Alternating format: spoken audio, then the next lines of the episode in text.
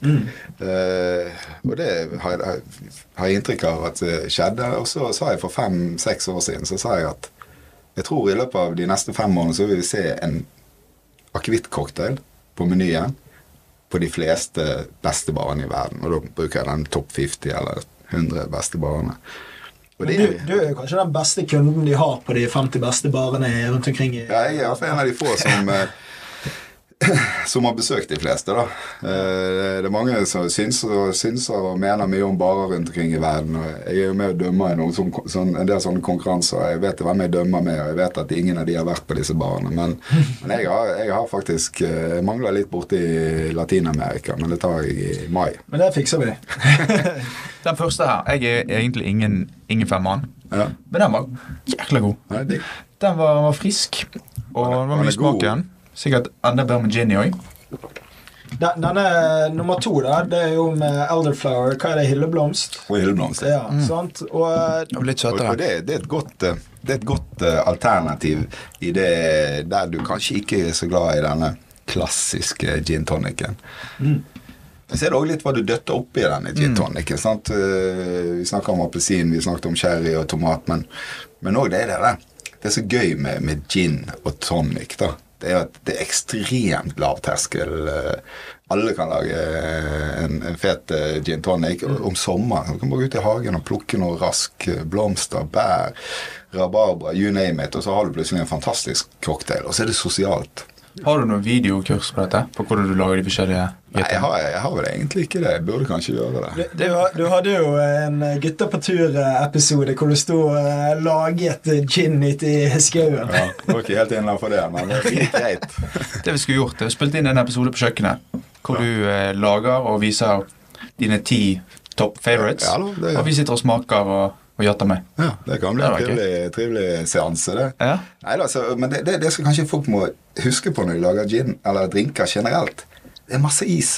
Mm. Er- de fleste har jo bare sånn, Nå får du kjøpt is overalt, men alle har sånn, to sånne brett med 24 isklumper, og det skal holde til 12 stykker på et forspill. sant? Det blir ikke bra. Så det å kjøpe noen poser med is og lage seg en eh, fullt glass med is, så blir det bra. Så du trenger ikke en firkantterning med Neida. is for at det, som er hakket med det, Men det finnes mange kurs på nettet å lære seg hvordan du skal lage is. Og, men ja. uh, for Jeg kunne tenkt meg en sånn video hvor jeg kan gå inn og se ok, her er det seks forskjellige vi skal lage. Ja. Så lager jeg til hele kompisgjengen, og så kan jeg se hvordan du gjør det, hva vi må ha handleliste.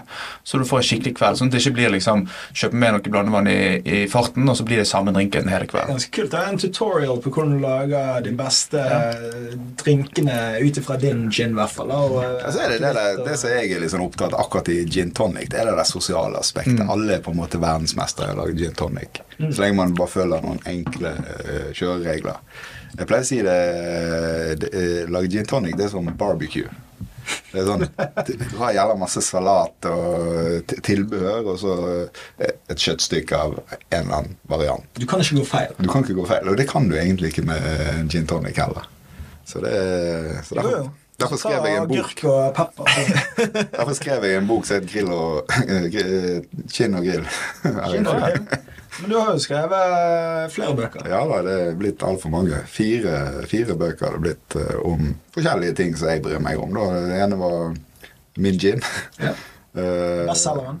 Bestselgeren, ja. Og så, uh, så er jeg en gammel bartender, så jeg hadde jo lyst til å uh, fortelle ungdommen at jeg kan jo dette òg. Så skrev jeg en bok som het 'Mine favorittdrinker'. Og så eh, er jo det akevitt det handler om sånn i Stigs univers egentlig, så da skrev jeg den nye akevitten. Eh, ikke bare min, men liksom denne et, Etter statsmonopolet opphørte i 1996, så var det ti år med et privat monopol. Og så etter det så er det min tidsalder, da. Og inni den tidsalderen her så har det åpnet mange destillerier rundt omkring som lager akevitt. Og jeg hadde lyst til å skrive en bok som tok for seg historien, eh, og denne monopolepoken. Men òg eh, det som skjer i dag. Eh, så den eh, skrev jeg, og den skrev jeg både på norsk og engelsk, sånn at jeg kunne fortelle de der ute i verden hvor gode vi er i Norge. Samme gjorde med ginboken. Så, så hadde jeg litt hadde jeg en idé i, i fjor da, som Jeg er ekstremt glad i barbecue, da. Kommer du hjem til meg, så har jeg, alt av griller. Det er fra smoker til gass til kull til kul ja, Det ser ut som et trommesett når jeg er i hagen min. Og så tenkte jeg, og så litt med det jeg sa nå, at det jeg ser noen paralleller mellom det sosiale, eller det tilbehøret, da, Så det var barbecue. Da tenkte jeg skriver en bok som heter Gin og grill. Kult. Hvorfor man kjøpte disse? Da må du på nett. Jeg liker å ha kontroll på alt jeg gjør. Så Jeg vil ikke nettbutikk. stigbarreksten.com. Ok. Men den der med hylleblomster, Stig, eh, tonicvannet, hva mikser du den med av eh, blader eller urter? Nei, der, der er jo det er de på sommeren. Så er det selvfølgelig en liten busk med hylleblomst. Det er jo veldig vakkert. Men, men eh, der ville jeg brukt sitron eller noe litt sånn friskt, da. Mye smak i, så det er ikke sveppes, dette her. Nei.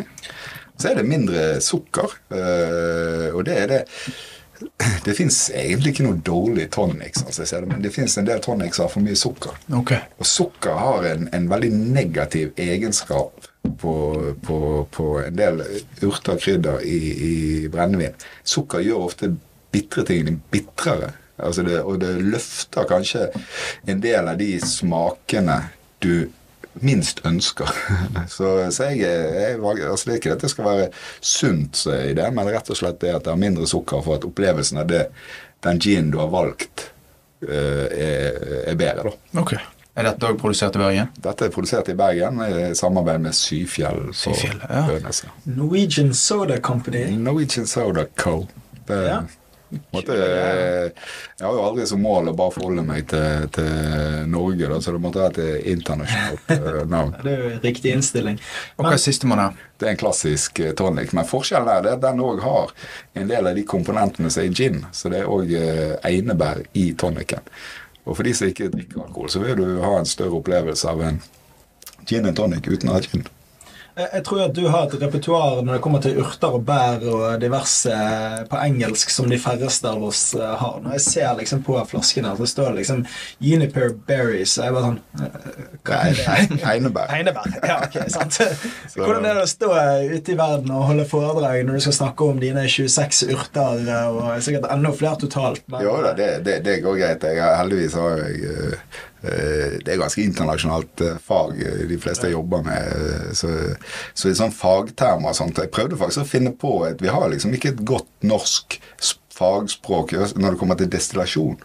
Så, så, gjelder, så siden jeg er på en måte selvlært det jeg holder på med, så har jeg funnet på jævla mange norske navn på de forskjellige stegene i teknikken og sånt. Da, som Ingen av, for det finnes ikke et norsk eh, vokabular knyttet til det. Men- Men, eh, nei da, det, det går bra. Jeg pleier å si det så lenge jeg snakker om produktene mine, så, så går det greit. Der har jeg kontroll for Men i denne siste, denne klassiske, da kjører du bare sitron, da? Eller appelsin. Ja, Det er sitrusen. Eller den, den jeg eventuelt ville brukt til denne cherrytomat og koriander. Okay. Men hva- Kapper du opp, eller skraper du av, eller hvordan er det best å tilsette? Skallet tenker du på. Jeg bare skjærer av en, eh, en Skallet. ja. Skviser den oppi. Okay. Du, du Ligger du, selv, den. Så, ja, ja. ligger du selve skallet oppi? Jeg legger selve skallet oppi. Men så tar du den litt på glasset Litt på glasset, først, og og knir det inn, og så Det, det er helt insane. Det, Ja, er liksom, det- det jeg angrer mest på å slutte med alkohol, det er at jeg ikke kan drikke denne greia lenger. liksom. Men det er jo litt det der med, med garnish. En ting er at eh, sånn pynt Det har jo egentlig sjelden noe for seg i en drink, men i visse drinker så har det en gitt betydning.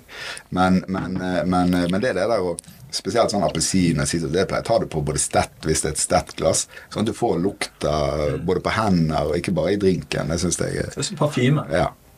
Vi hadde en eh, opplevelse i Spania tidligere, meg og fruen. Vi skulle vi bestilte oss en uh, strawberry daiquiri. ja. Men de hadde ikke inne strawberry daiquiri. Men de kunne se hva de fant. da Så fant de noen frosne bær i frysen. Og bare, ja, de kunne lage det. Vi bare, ah, deilig, Kjøpte noe biff og liksom skulle kose oss med en drink. Kom tilbake, og så hadde de jo dyppet glasset. Men istedenfor sukker så er de dyppet i salt. Aha. Og det smakte så jævlig dritt. Men vi nordmenn så har ikke samvittighet til å si at dette var skikkelig dårlig. Så vi satt og pinte ned den der daiquirien. Så det har Ja. veldig mye å si liksom helhetsinntrykket. Og gjør du én ting feil, da, så er Ja, hele drinken det, ødelagt. det er et håndverk, eh, det òg. Altså. Det, det, det er for mange som kaller seg bartender uten å vite hva det egentlig innebærer. for å si det sånn. Du er ikke bartender fordi om du jobber på en eller annen pub i gata som selger alkohol. Det, det, for meg er det en, en, kunst. en, en, eh, fagmann, da. Og da skal du kunne det. Mm. Jeg, jeg tror Andreas har liksom nødt til å steppe opp litt, der, for han liker fortsatt kebabpizza som Mm. liksom beste pizzaen. Han, han er liksom ikke hoggorm og uh, der ennå. Så Nei, må kommer til utforske drinke, litt så er mer. liksom en strawberry daiquiri. Det er liksom Ja, eh, ja, klassikeren. Men det er jo Når begynte du å være opptatt av det aromatiske, liksom, Å være veldig fin på restaurantene, maten du spiser, drikkene du tar inn, kaffe, hva det måtte være? sant? Det, det, det går så langt tilbake eh, altså det, det er helt tilbake til jeg var eh, barn. Altså jeg har alltid vært ekstremt opptatt av smak og hva som ligger bak smaken. Hvis noen, eh, når jeg var ungdom, jeg og folk lagde god mat, så vil jeg automatisk spørre mora til den kompisen min hvordan gjorde du det her. Så, så, så det har egentlig Men det der urte og det, det, det botaniske, det å sanke og finne ting og, og sånt, det begynte egentlig mest eh, For det om eh, Vi har jo eh, i familien drevet med det, men mer på sånn normalt vis. Men, men det å Det kom egentlig mer sånn underveis. Jeg var først på leit etter smak, og så, så lagde jeg mye sånne private label akevitter back in the days da jeg var i Grimstad. Og så kom folk med obskure, rare planter som de mente var unik for den regionen de kom fra, eller der de skulle lage denne eh, akevitten. Og så etter hvert så skjønte jeg at det fins jo mye i norsk vill natur som er helt unik, da. Eh, og så øh, vokste det egentlig bare på meg, men etter hvert så jeg begynte å utvikle produkter med norske ingredienser, så fant jeg det ekstremt tilfredsstillende det å bruke ting som du tråkker på hver dag. Ting som folk tenker ikke brukende. Og så øh, økte denne bare interessen på før jeg begynte å lage Barreksten. Og Barreksten ble på en måte bare forløsningen av, av en, en sånn rar interesse som vokste på meg med det med den ideen om å, om å, bruke ting som folk ikke tenker kan brukes. Og så ser vi kvaliteten på norske ville vekster er helt, helt unik. Eh, spesielt villbær, blåbær, tyttebær og sånne ting i destillasjon så er det helt unikt. Vekstvilkårene i Norge er helt unikt. Det er kort sesong. Eh, det er masse lys og kjølige netter.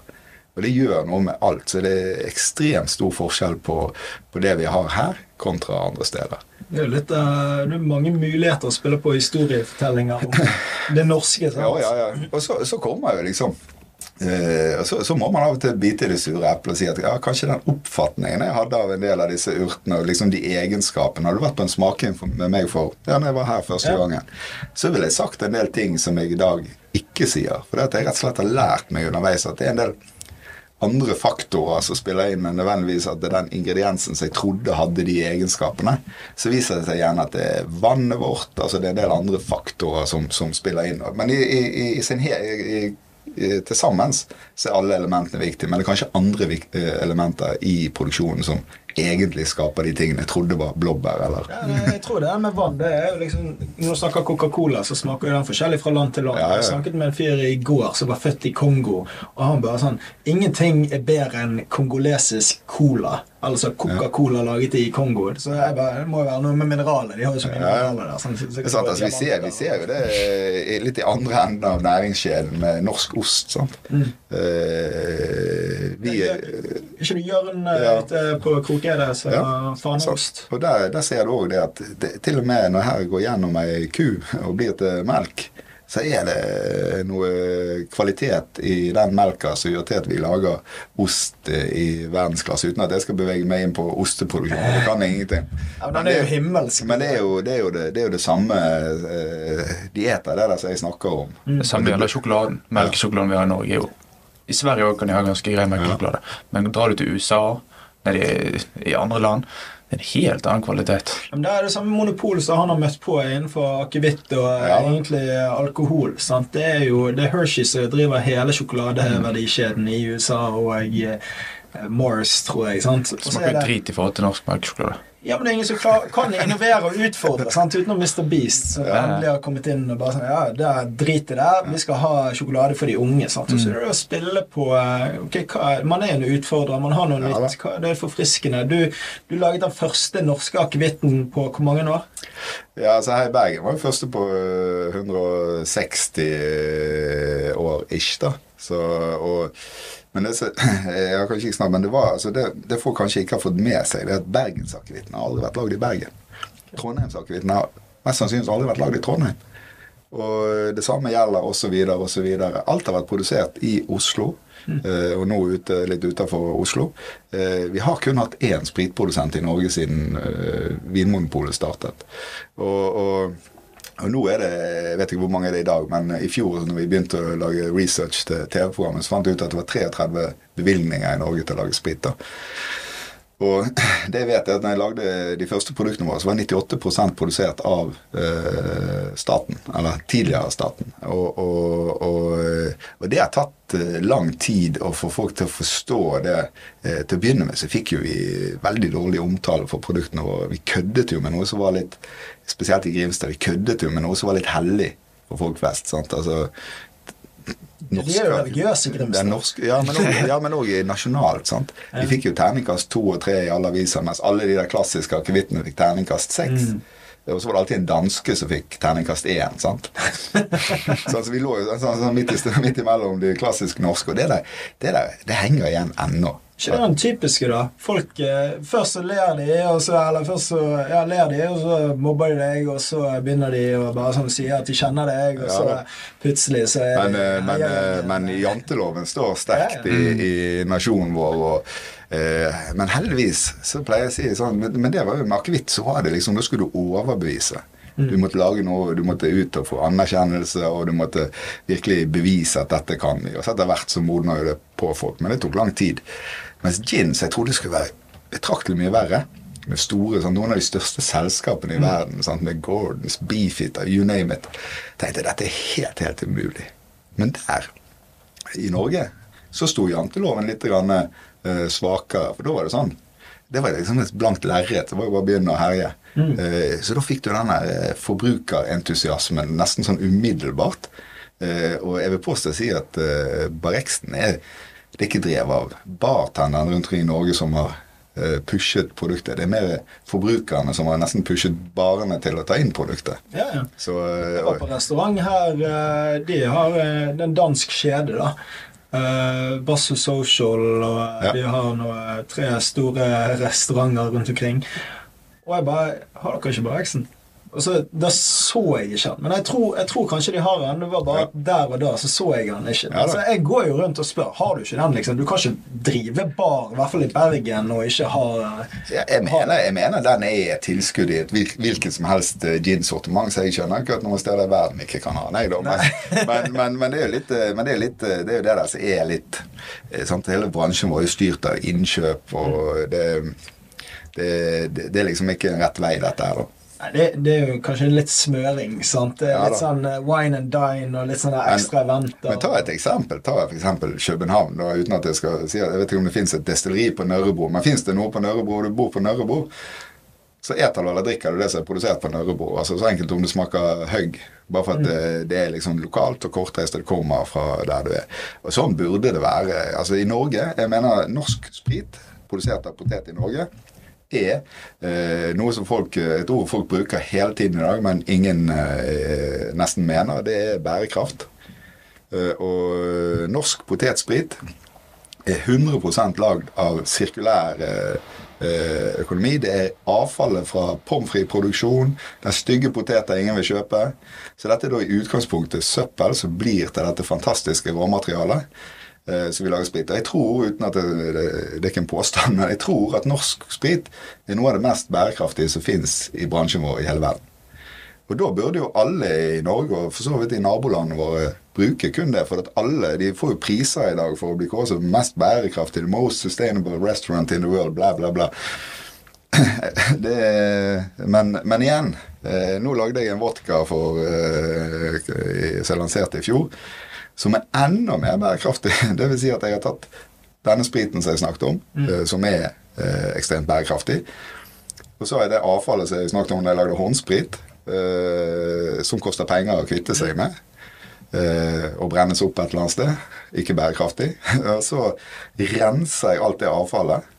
Blander det med litt mer potetsprit, redestillerer det. Så har jeg strengt tatt et produkt som er lagd på det avfallet som jeg måtte betalt penger for, eller brent opp et eller annet sted det blir til et produkt. Så det skulle jo sånn i henhold til hvordan du eh, leser mediebildet i dag, så skulle jo den solgt en million liter. og sånn. Men tro meg, det er lett å si halleluja, men det er vanskelig å mene det. Det er jo det. Folk, konsumentene ønsker jo noe, men eh, handlingsmønsteret er nok ikke Helt, eh, tilsvarende. Sant? Det er lett å si ting, men handling foran ord. Så det er handling foran ord, ja.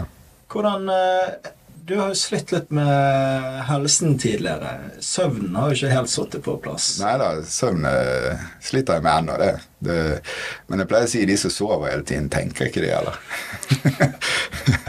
Ja, for du, du, du gjør jo ganske mye, og du er jo fartøy jo jorden rundt. Og, Ja da, men jeg har en eh, Det, det, det, det er jeg glad for. Altså, det der søvnproblemet som jeg har hatt egentlig hele mitt liv, det er jeg egentlig glad for at jeg har. For at, eh, jeg har en enorm kapasitet på grunn av det. Jeg blir ikke sliten. altså Jeg kan jobbe eh, et helt døgn jeg, uten at det er et stort problem. Samtidig som eh, når jeg først får hvilt, så blir jeg ekstremt ladet òg, da. Mm. Så, nei, så det å sove lite, det Ja, det, det gir eh, rom til å tenke. Eh, Det gir rom til å plane, for man er jo i en eller annen søvnfase hvor man er veldig kreativ, da.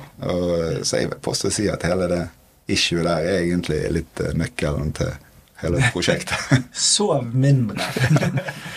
Nei da, men uh, du hadde jo òg Under pandemien så gikk jo du ned en god del i vekt i tillegg, og uh, Ja det da. noen endringer der. Eh, Det måtte jo til det òg. Jeg er jo ekstremt glad i mat. Uh, Og for en del år siden så, så jeg kunne skyve meg en stol at helsen begynte å svikte pga. Uh, seine netter og uh, mye arbeid og mye alkohol, så man var nødt til å ta skeia i en annen hånd. Og det er litt av denne perioden når man får barn, og så man blir mer stillesittende. man fokuserer kanskje ikke like mye på seg sjøl, alle de hverdagslige utfordringene man står i. Ja, så gjorde jeg noen grep under pandemien hvor jeg rett og slett bestemte meg for å slutte å ete sukker. Jeg skulle ikke slutte å drikke, men jeg skulle slutte å ete sukker. Det er det, det beste valget. Jeg satt senest på ferja nå fra Austevoll og snakket med guttene. Det å, det å faktisk eh, eh, slutte etter sukker, det gjør deg ekstremt mer konsentrert. Eh, kapasiteten din øker. Eh, søvn blir bedre. eh, og så går du ned i vekt. Ja. Jeg gikk jo ned eh, 15-20 kilo bare med å slutte etter sukker. Mm. Og så gjorde jeg det samme hjemme. Slutta med sukker hjemme òg. Så gikk jo alle i familien ned i vekt. Ja, ja, sant. Og nå eh, Eldstesønnen din er jo blitt eh, bokser. Han, Ja, da, det- han, og, begge to. Kjempe, begge i Ja da, de er aktive, de. Og, du- men bare det òg. Det der slutte med sukker med ungdommen òg. Fra liksom sånn gaming som er liksom, de har nå vært igjennom, og pandemi hvor du satt på ræva og spiste dårlig mat. sant? Og så slutta jeg med det. Til treningsviljen bare fra å trene innimellom, ikke være seriøs, til liksom bli blodseriøs. Mm. Men kanskje det der gaming-greien òg. Denne energien som var inne på disse rommene under pandemien. Du hørte jo konsoller alt fly veggimellom, og det var veldig aggressivt når de satt og spilte. Til eh, vekk med sukkeret, endre litt på kostholdet. Til latter og samme energinivå, men på en sånn veldig positiv måte. da. Eh, og karakterer på skolen opp. Så eh, sukker er en gift eh, som man egentlig bør holde seg unna. Det er Derfor du har droppet eh, sukker i mange øyere. Jeg er i hvert fall betraktelig mye mindre, men jeg lager jo òg en sukkerfri eh, alternativ. Det snakkes jo mye om disse søtningsstoffene som kan gi deg det ene og det andre, men det er jo ingen som snakker om sukker og de utfordringene det gjør. Jeg har jo merket liksom jeg, Gi meg heller et kilo aspartan altså, enn et kilo sukker. jeg tror vi begynte sånn ca. samtidig å fokusere litt på eh, helsen vår. Og eh, jeg droppet jo brus. Så jeg har gått nå hva, to og et halvt år uten brus. Jeg har uh, kutt, Jeg prøvde Jeg kuttet ned på alt av smågodt. Altså det, det forsvant. Men sjokolade det er liksom min kryptonite. Den, Ja. eh, den sliter jeg med fortsatt. Så eh, det, det er liksom Når jeg får ut den, da Sånn som i går, så sitter jeg bare hjernen min bare sjokolade, sjokolade, sjokolade. Jeg elsker sjokolade, jeg òg, men jeg har ikke spist det på noen år. Men, eh, men, men det, det, det offeret der, Mm. altså med den fordelen av å slutte med sukker Jeg trenger ikke den sjokoladen, altså. Det, det, det er faktisk eh, så sinnssykt bra. Og ikke Du får jo i deg sukker på en eller annen måte uansett, men det å ha ekskludere det i sin fysiske form, godteri eller kake eller dessert På julaften spiser jeg dessert. Ja. så det nærmer seg. Nei da, men uh, jeg, ja, jeg, eh, jeg merker det veldig. Det tar to uker da før det her, eh, hjernen slutter å crave sukkeret. da, Men etter det så er jo det fantastisk. Hvordan er du på det, Andreas? Jeg sliter. Jeg, sånn, jeg har mine perioder hvor jeg trener mye og spiser sunt. Og da går det veldig fint. Da trenger jeg ikke sukker. Men i det, jeg- hvis jeg skal ha én cheat day, så ryker jeg rett ut på igjen. Da er det en hel plate sjokolade til middag, og så klarer, bruker jeg mange uker igjen på å komme meg opp i nerver. Men det det, det som er problemet òg. Det, det er sånn uh, kjappe karbohydrater i alle former. Det er sånn én sånn her sprekk, én uh, tur til Italia og pasta og kos, vet du. Så, så, så, så, så plutselig er alt tilbake. Sult og irritasjon og sånne greiene. Klarer du bare å holde det der blodsukkeret stabilt, så forsvinner alle de der tingene. Cravings, eh, sult det- Faster du, eller gjør du noe sånt? ja, jeg, når jeg slurver litt, grann, sånn på, så, så faster jeg. Jeg spiser ikke frokost. Men, Det, så prøver jeg å ete siste måltidet sånn litt utpå ettermiddagen. men du spiser jo hovedsakelig egentlig bare kaviar, ikke det sånn? Ja, eh, til tider så blir det mye kaviar, men jeg, jeg er jo ekstremt glad i mat. da. Jeg, jeg ser jo det på Instagrammen din, at Så- du spiser jo bare det beste av det beste. Så, men det Mye, er mye fra sjøen. mye for sjøen. jeg elsker sjømat. Bare senest i går så hadde jeg en helt fantastisk opplevelse ute på Olaskjæret på, på Austevoll, hvor eh, snøkrabb og kreps, og det er helt fantastisk. Altså Hadde jeg utviklet en allergi mot uh, skalldyr, så er veldig mange plutselig får ut av ingenting, så da hadde jeg slitt, altså. Da hadde du gått tilbake til sjokoladen. Da tror jeg det hadde blitt sjokolade. Men så er det heller det ete et sinnssykt måltid hver dag enn å ete tull. Mm. Sånn, Jeg er jo av og til i situasjoner hvor jeg er nødt til å ta meg en bagett på øh, bensinstasjonen eller noe sånt. Men som ofte så bare dropper jeg den. Mm. Men hvis jeg vet det ikke ligger en middag øh, rundt neste sving, eller jeg er på vei et sted, jeg vet er kanskje brødmat, så tar jeg heller en bagett på, på bensinstasjonen enn å sitte og ete rett før jeg skal legge meg. Men, men uh, hvis jeg vet det er et måltid på gang, så hopper jeg over alt tull, for da kan jeg ete mer av det som er digg. Nei, jeg jeg har jo begynt å spise på alle de gode restaurantene rundt omkring her i Bergen på TikTok, og det, det er jo sånn jeg kan jo ikke spise før jeg går der, for det, det er jo så mye mat. sant? Og så er det så mye god mat, og så har du ikke lyst til å bare waste det med å komme sånn halvmett. eh, Nei, nei, til. man skal, nei, ete Livet handler jo om god mat og god drikke, da.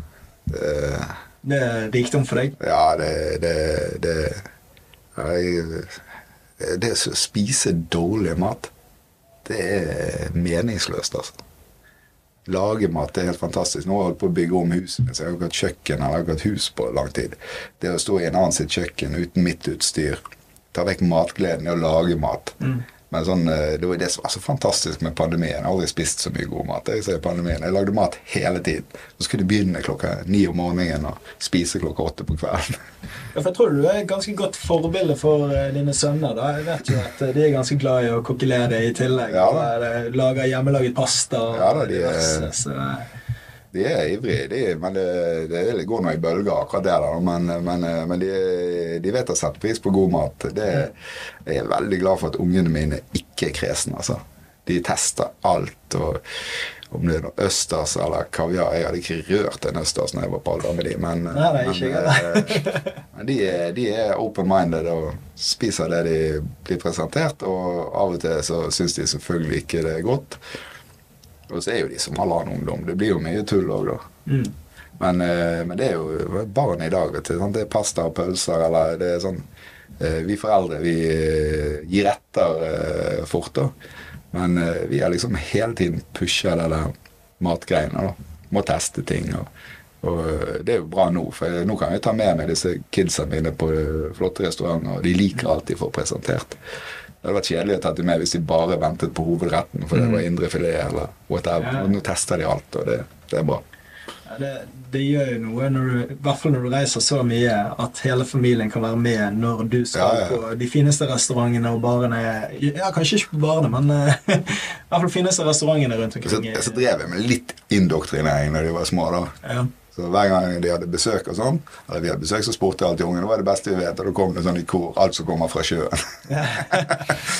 Det er ikke dumt. Men du har jo en litt sånn annerledes struktur på selskapet, eller eierandel i selskapene Ja. dine. For du, du, du er jo merkevaren. Mm.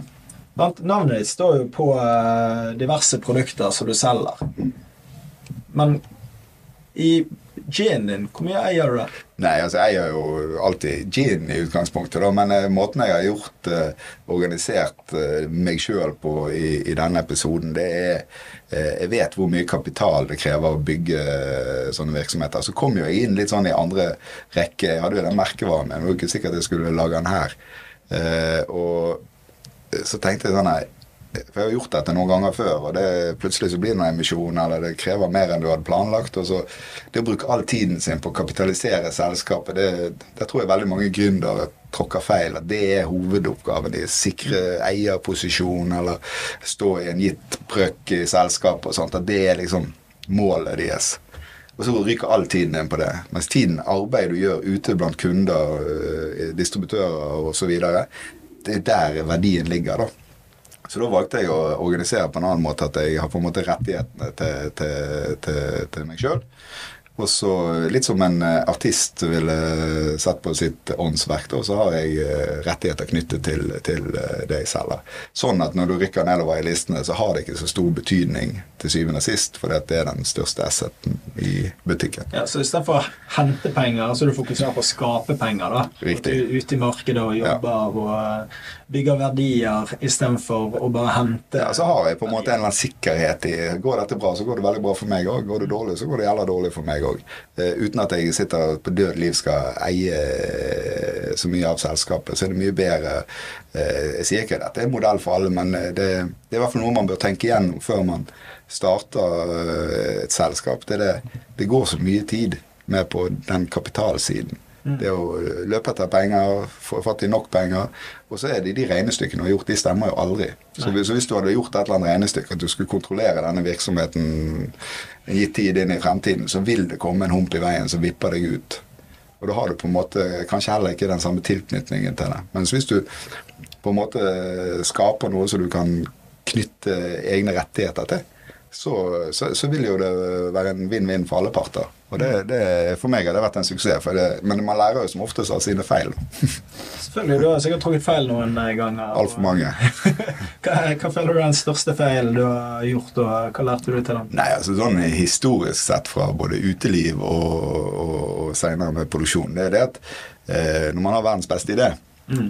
eh, og man omgås mennesker som, som tror på den, på et eller annet tidspunkt Eh, så er det på en måte eh, posisjoner og kapital som rår. da. Og da viser det seg kanskje at den vurderingen du har gjort på det laget du er på, eh, der er det andre interesser, så ofte fører til at man ikke fortsetter. da, Og det er jo normalt. Gründeren er sjelden med hele veien inn, men, men det er det. Det som er åpenbart for uh, kanskje den kreative kraften, er at du stoler på de rundt deg. Men det har jeg lært at det, det er ikke alltid nødvendigvis eh, fasiten.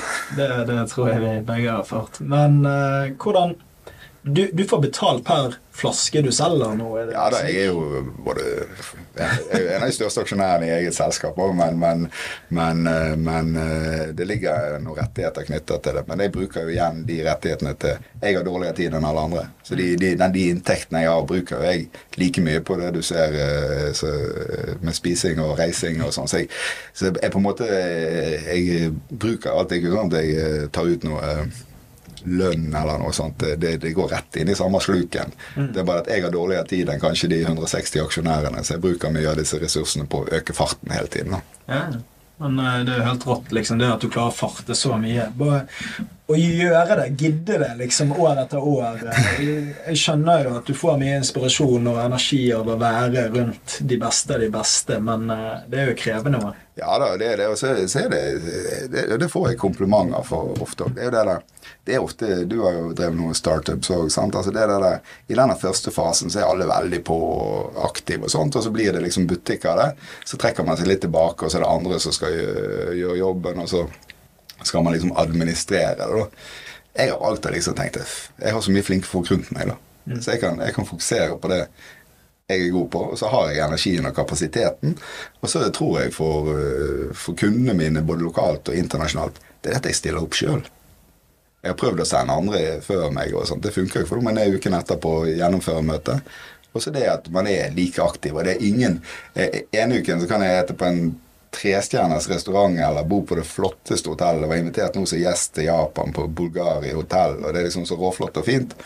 Og så skal jeg være igjen én dag, sant? så bor jeg på eh, et motell borti gata så, så vidt jeg uh, må ut og dusje i gangen. Så, så det er disse kontrastene uh, det, det, det, For På ene siden så kan det se jævla bra ut, men så er disse kontrastene enorme. Og så syns jeg det er helt greit. Jeg har ikke noe problem med å bo på et shabby hotell. Eh, men jeg kan gjerne bo på et flott hotell hvis de betaler for meg. Ja, ja men eh, det, det er jo det som er liksom bak fasaden, så at mange som ikke ser akkurat hva som ligger der. sant? Eh, det er alle de nettene du Ja, du bor på et shabby motell, eller du bor på et hostell, hva det måtte være. sant? Men når du har 300 pluss reisedøgn i året, så er jo det Du kan ikke bo på femstjerners hotell hele tiden. Nei, nei, nei, det... Ikke når du skal spise bra, du skal drikke bra. sant? Hadde dette vært et globalt prosjekt med samme ambisjon, så hadde jeg sikkert bodd på femstjerners hotell hele tiden. For vi skal ikke langt ut forbi Ring 3, som jeg alltid sier, Oslo eller ut forbi Bergen, hvor eh, hva du signaliserer som merkevare, er helt essensielt for suksessen din. Det, det å øh, fly første klasse, bo på de beste hotellene osv. Det definerer på en måte en merkevare sånn i luksussammenheng. da. Mens vi nordmenn vi er jo litt annerledes. Hadde jeg kjøpt meg en fet bil for det, da hadde kontra med at nå går det for bra for Stig, så nå er ikke vi heier på ham. Mens i resten av verden så hadde det vært det rake motsatte. Jo fetere bil jeg hadde kjøpt, jo større suksess har merkevaren, og jo bedre er han. sant? Så, så, man er jo nødt til å spille, men heldigvis nå da, så er vi kommet i en posisjon hvor, hvor i visse deler av bransjen vår så er merkevaren vår noe av det fineste du kan selge. Så vi blir, jeg blir jo invitert som gjest. Mm. Sånn så, som er utafor min standard eh, vanligvis. Men sant, jeg var i Tokyo, så var det Four Seasons, Bulgari Hotel, Thailand så var det Waldorf Astoria, sant? hvor du blir invitert som gjest, hvor de ønsker deg som gjest at du skal ha en, et event for beste kundene deres. Det, det øker jo verdien. Sant? Greit, her betaler du 10 000 kroner per natt pluss pluss liksom, for å bo en natt. Sant? Og uh, det at du, de gir et lite rom til deg, det, det er jo ingenting. Nei, sant? Men det, uh, det er jo jeg føler jo at du har bygget mer luksus internasjonalt enn du har gjort i Norge. Ja, da. kommer til merkevaren. Sant? Det er 50 best bars og dette her. Det klinkende klart. Og så er det Se, se, se på meg, jeg er jo ikke et luksusdyr sånn rent eh, fysisk med min tilstedeværelse. Du er mytisk så, men, eh, men, det er jo klart, når du reiser også så mye, så blir du Du ønsker jo en gitt Eh, jeg bruker ca. like mye tid på en flyplass i løpet av et år som sikkert vanlige folk jobber. Mm. Så, så, klart, eh, visse ting Jeg tar ikke nødvendigvis tog til byen hvis det tar 1 12 time, mens en taxi koster 100 euro, eller hva det skulle være. Så tar jeg den taxien fordi at jeg, ja, jeg, jeg bruker så mye tid i den fasen av arbeidsdagen min. da så, så litt, litt, luksus må man unne seg. ja, for det er jo det mange ikke tenker over, er jo all den tiden som dedikeres til reising, komme seg rundt og ja, ja, ja. alt dette her. Greit nok å ha en arbeidsdag og skulle få en forretning til å gå rundt, men det er jo så mye tid. for det første så er ikke tilgjengelig mye av den tiden. Nei, nei, nei, og, heller, sant? det er litt dårlig å jobbe på fly og flyplasser. Så det der, da, altså, jeg, jeg, mener ofte det, det å være effektiv det, det gjør, du, du, får så mye mer ut av dagen. For i dag det er sånn jeg har jo kollegaer og, venner venner så sånn booker Booke møte. Ja, vi kan ha et møte om seks uker. Mm. Seks uker? Jeg var det møte i morgen, jeg. Eller kanskje vi skal ta det i ettermiddag, så bare hopper jeg i en taxi, og så er det ferdig. Istedenfor at jeg skal gjøre, vente i seks uker for å gjennomføre et møte. Så vil jeg bare bli død med det med en gang. Derfor syns jeg det er så sporty at uh, Jeg vet jo du er busy, liksom, og jeg vet du farter rundt, men det at du tar det på sparket sånn at du får en melding på Instagram et par dager i forveien og bare 'Du, kan du komme på podkasten?' Og så ja, ja så får vi det gjort, da. Men det er litt det der. Man skal bare gripe alle uh, muligheter. Altså, jeg er jo ja-menneske tvers igjennom, da. Men uh, det er sikkert uh, mange mennesker rundt meg sin store frustrasjon. Men for min egen del så føler jeg det Jeg har et eksempel på det. var når vi fikk liksom litt vind i seilene på det prosjektet. Så hadde vi booka uhorvelig mye events i Norge. Så bestemte vi meg for nei, vet du hva, det skal jeg klare å gjennomføre. Så da kunne jeg stå i London på formiddagen, ha et møte, ha smaking i Bergen klokka seks på kvelden, være tilbake igjen i London og fortsette på den messen jeg skulle på dagen etterpå. Så jeg klarte å gjennomføre samtlige aktiviteter jeg hadde booket, for det var store distanser. Og da på det tidspunktet var det litt rimelig å fly. og det de fleste mennesker ville bare kjøpe på ting, eller kansellert eller flyttet. Men jeg hadde sånn Nei, jeg skal gjennomføre alt. det er mindset. sant? Du, du har jo innstilt deg på noe. og Det er litt sånn som jeg pleier å si, da, når øh, folk jobber ti timer. Så åh, det dritslitsomt. Men hvis du er forberedt på at du skal jobbe 13 timer, så er det ikke slitsomt å jobbe 13 timer. sant? Så hvis 13 timer er jo ikke en arbeidsdag engang. Er det noe som har det? Det, det, er jo kanskje største for Jeg er på jobb fra jeg slår opp øynene til, til jeg går og legger meg. Og heldigvis er min jobb er jo så mange faser. Jeg er jo lat som alle andre, jeg òg. Men jobben min er så mange faser. Det er liksom det eh, administrative eh, på dagtid kanskje, økonomi, alle de kjedelige tingene. Og så forflytter dette seg over i kreativitet, produktutvikling.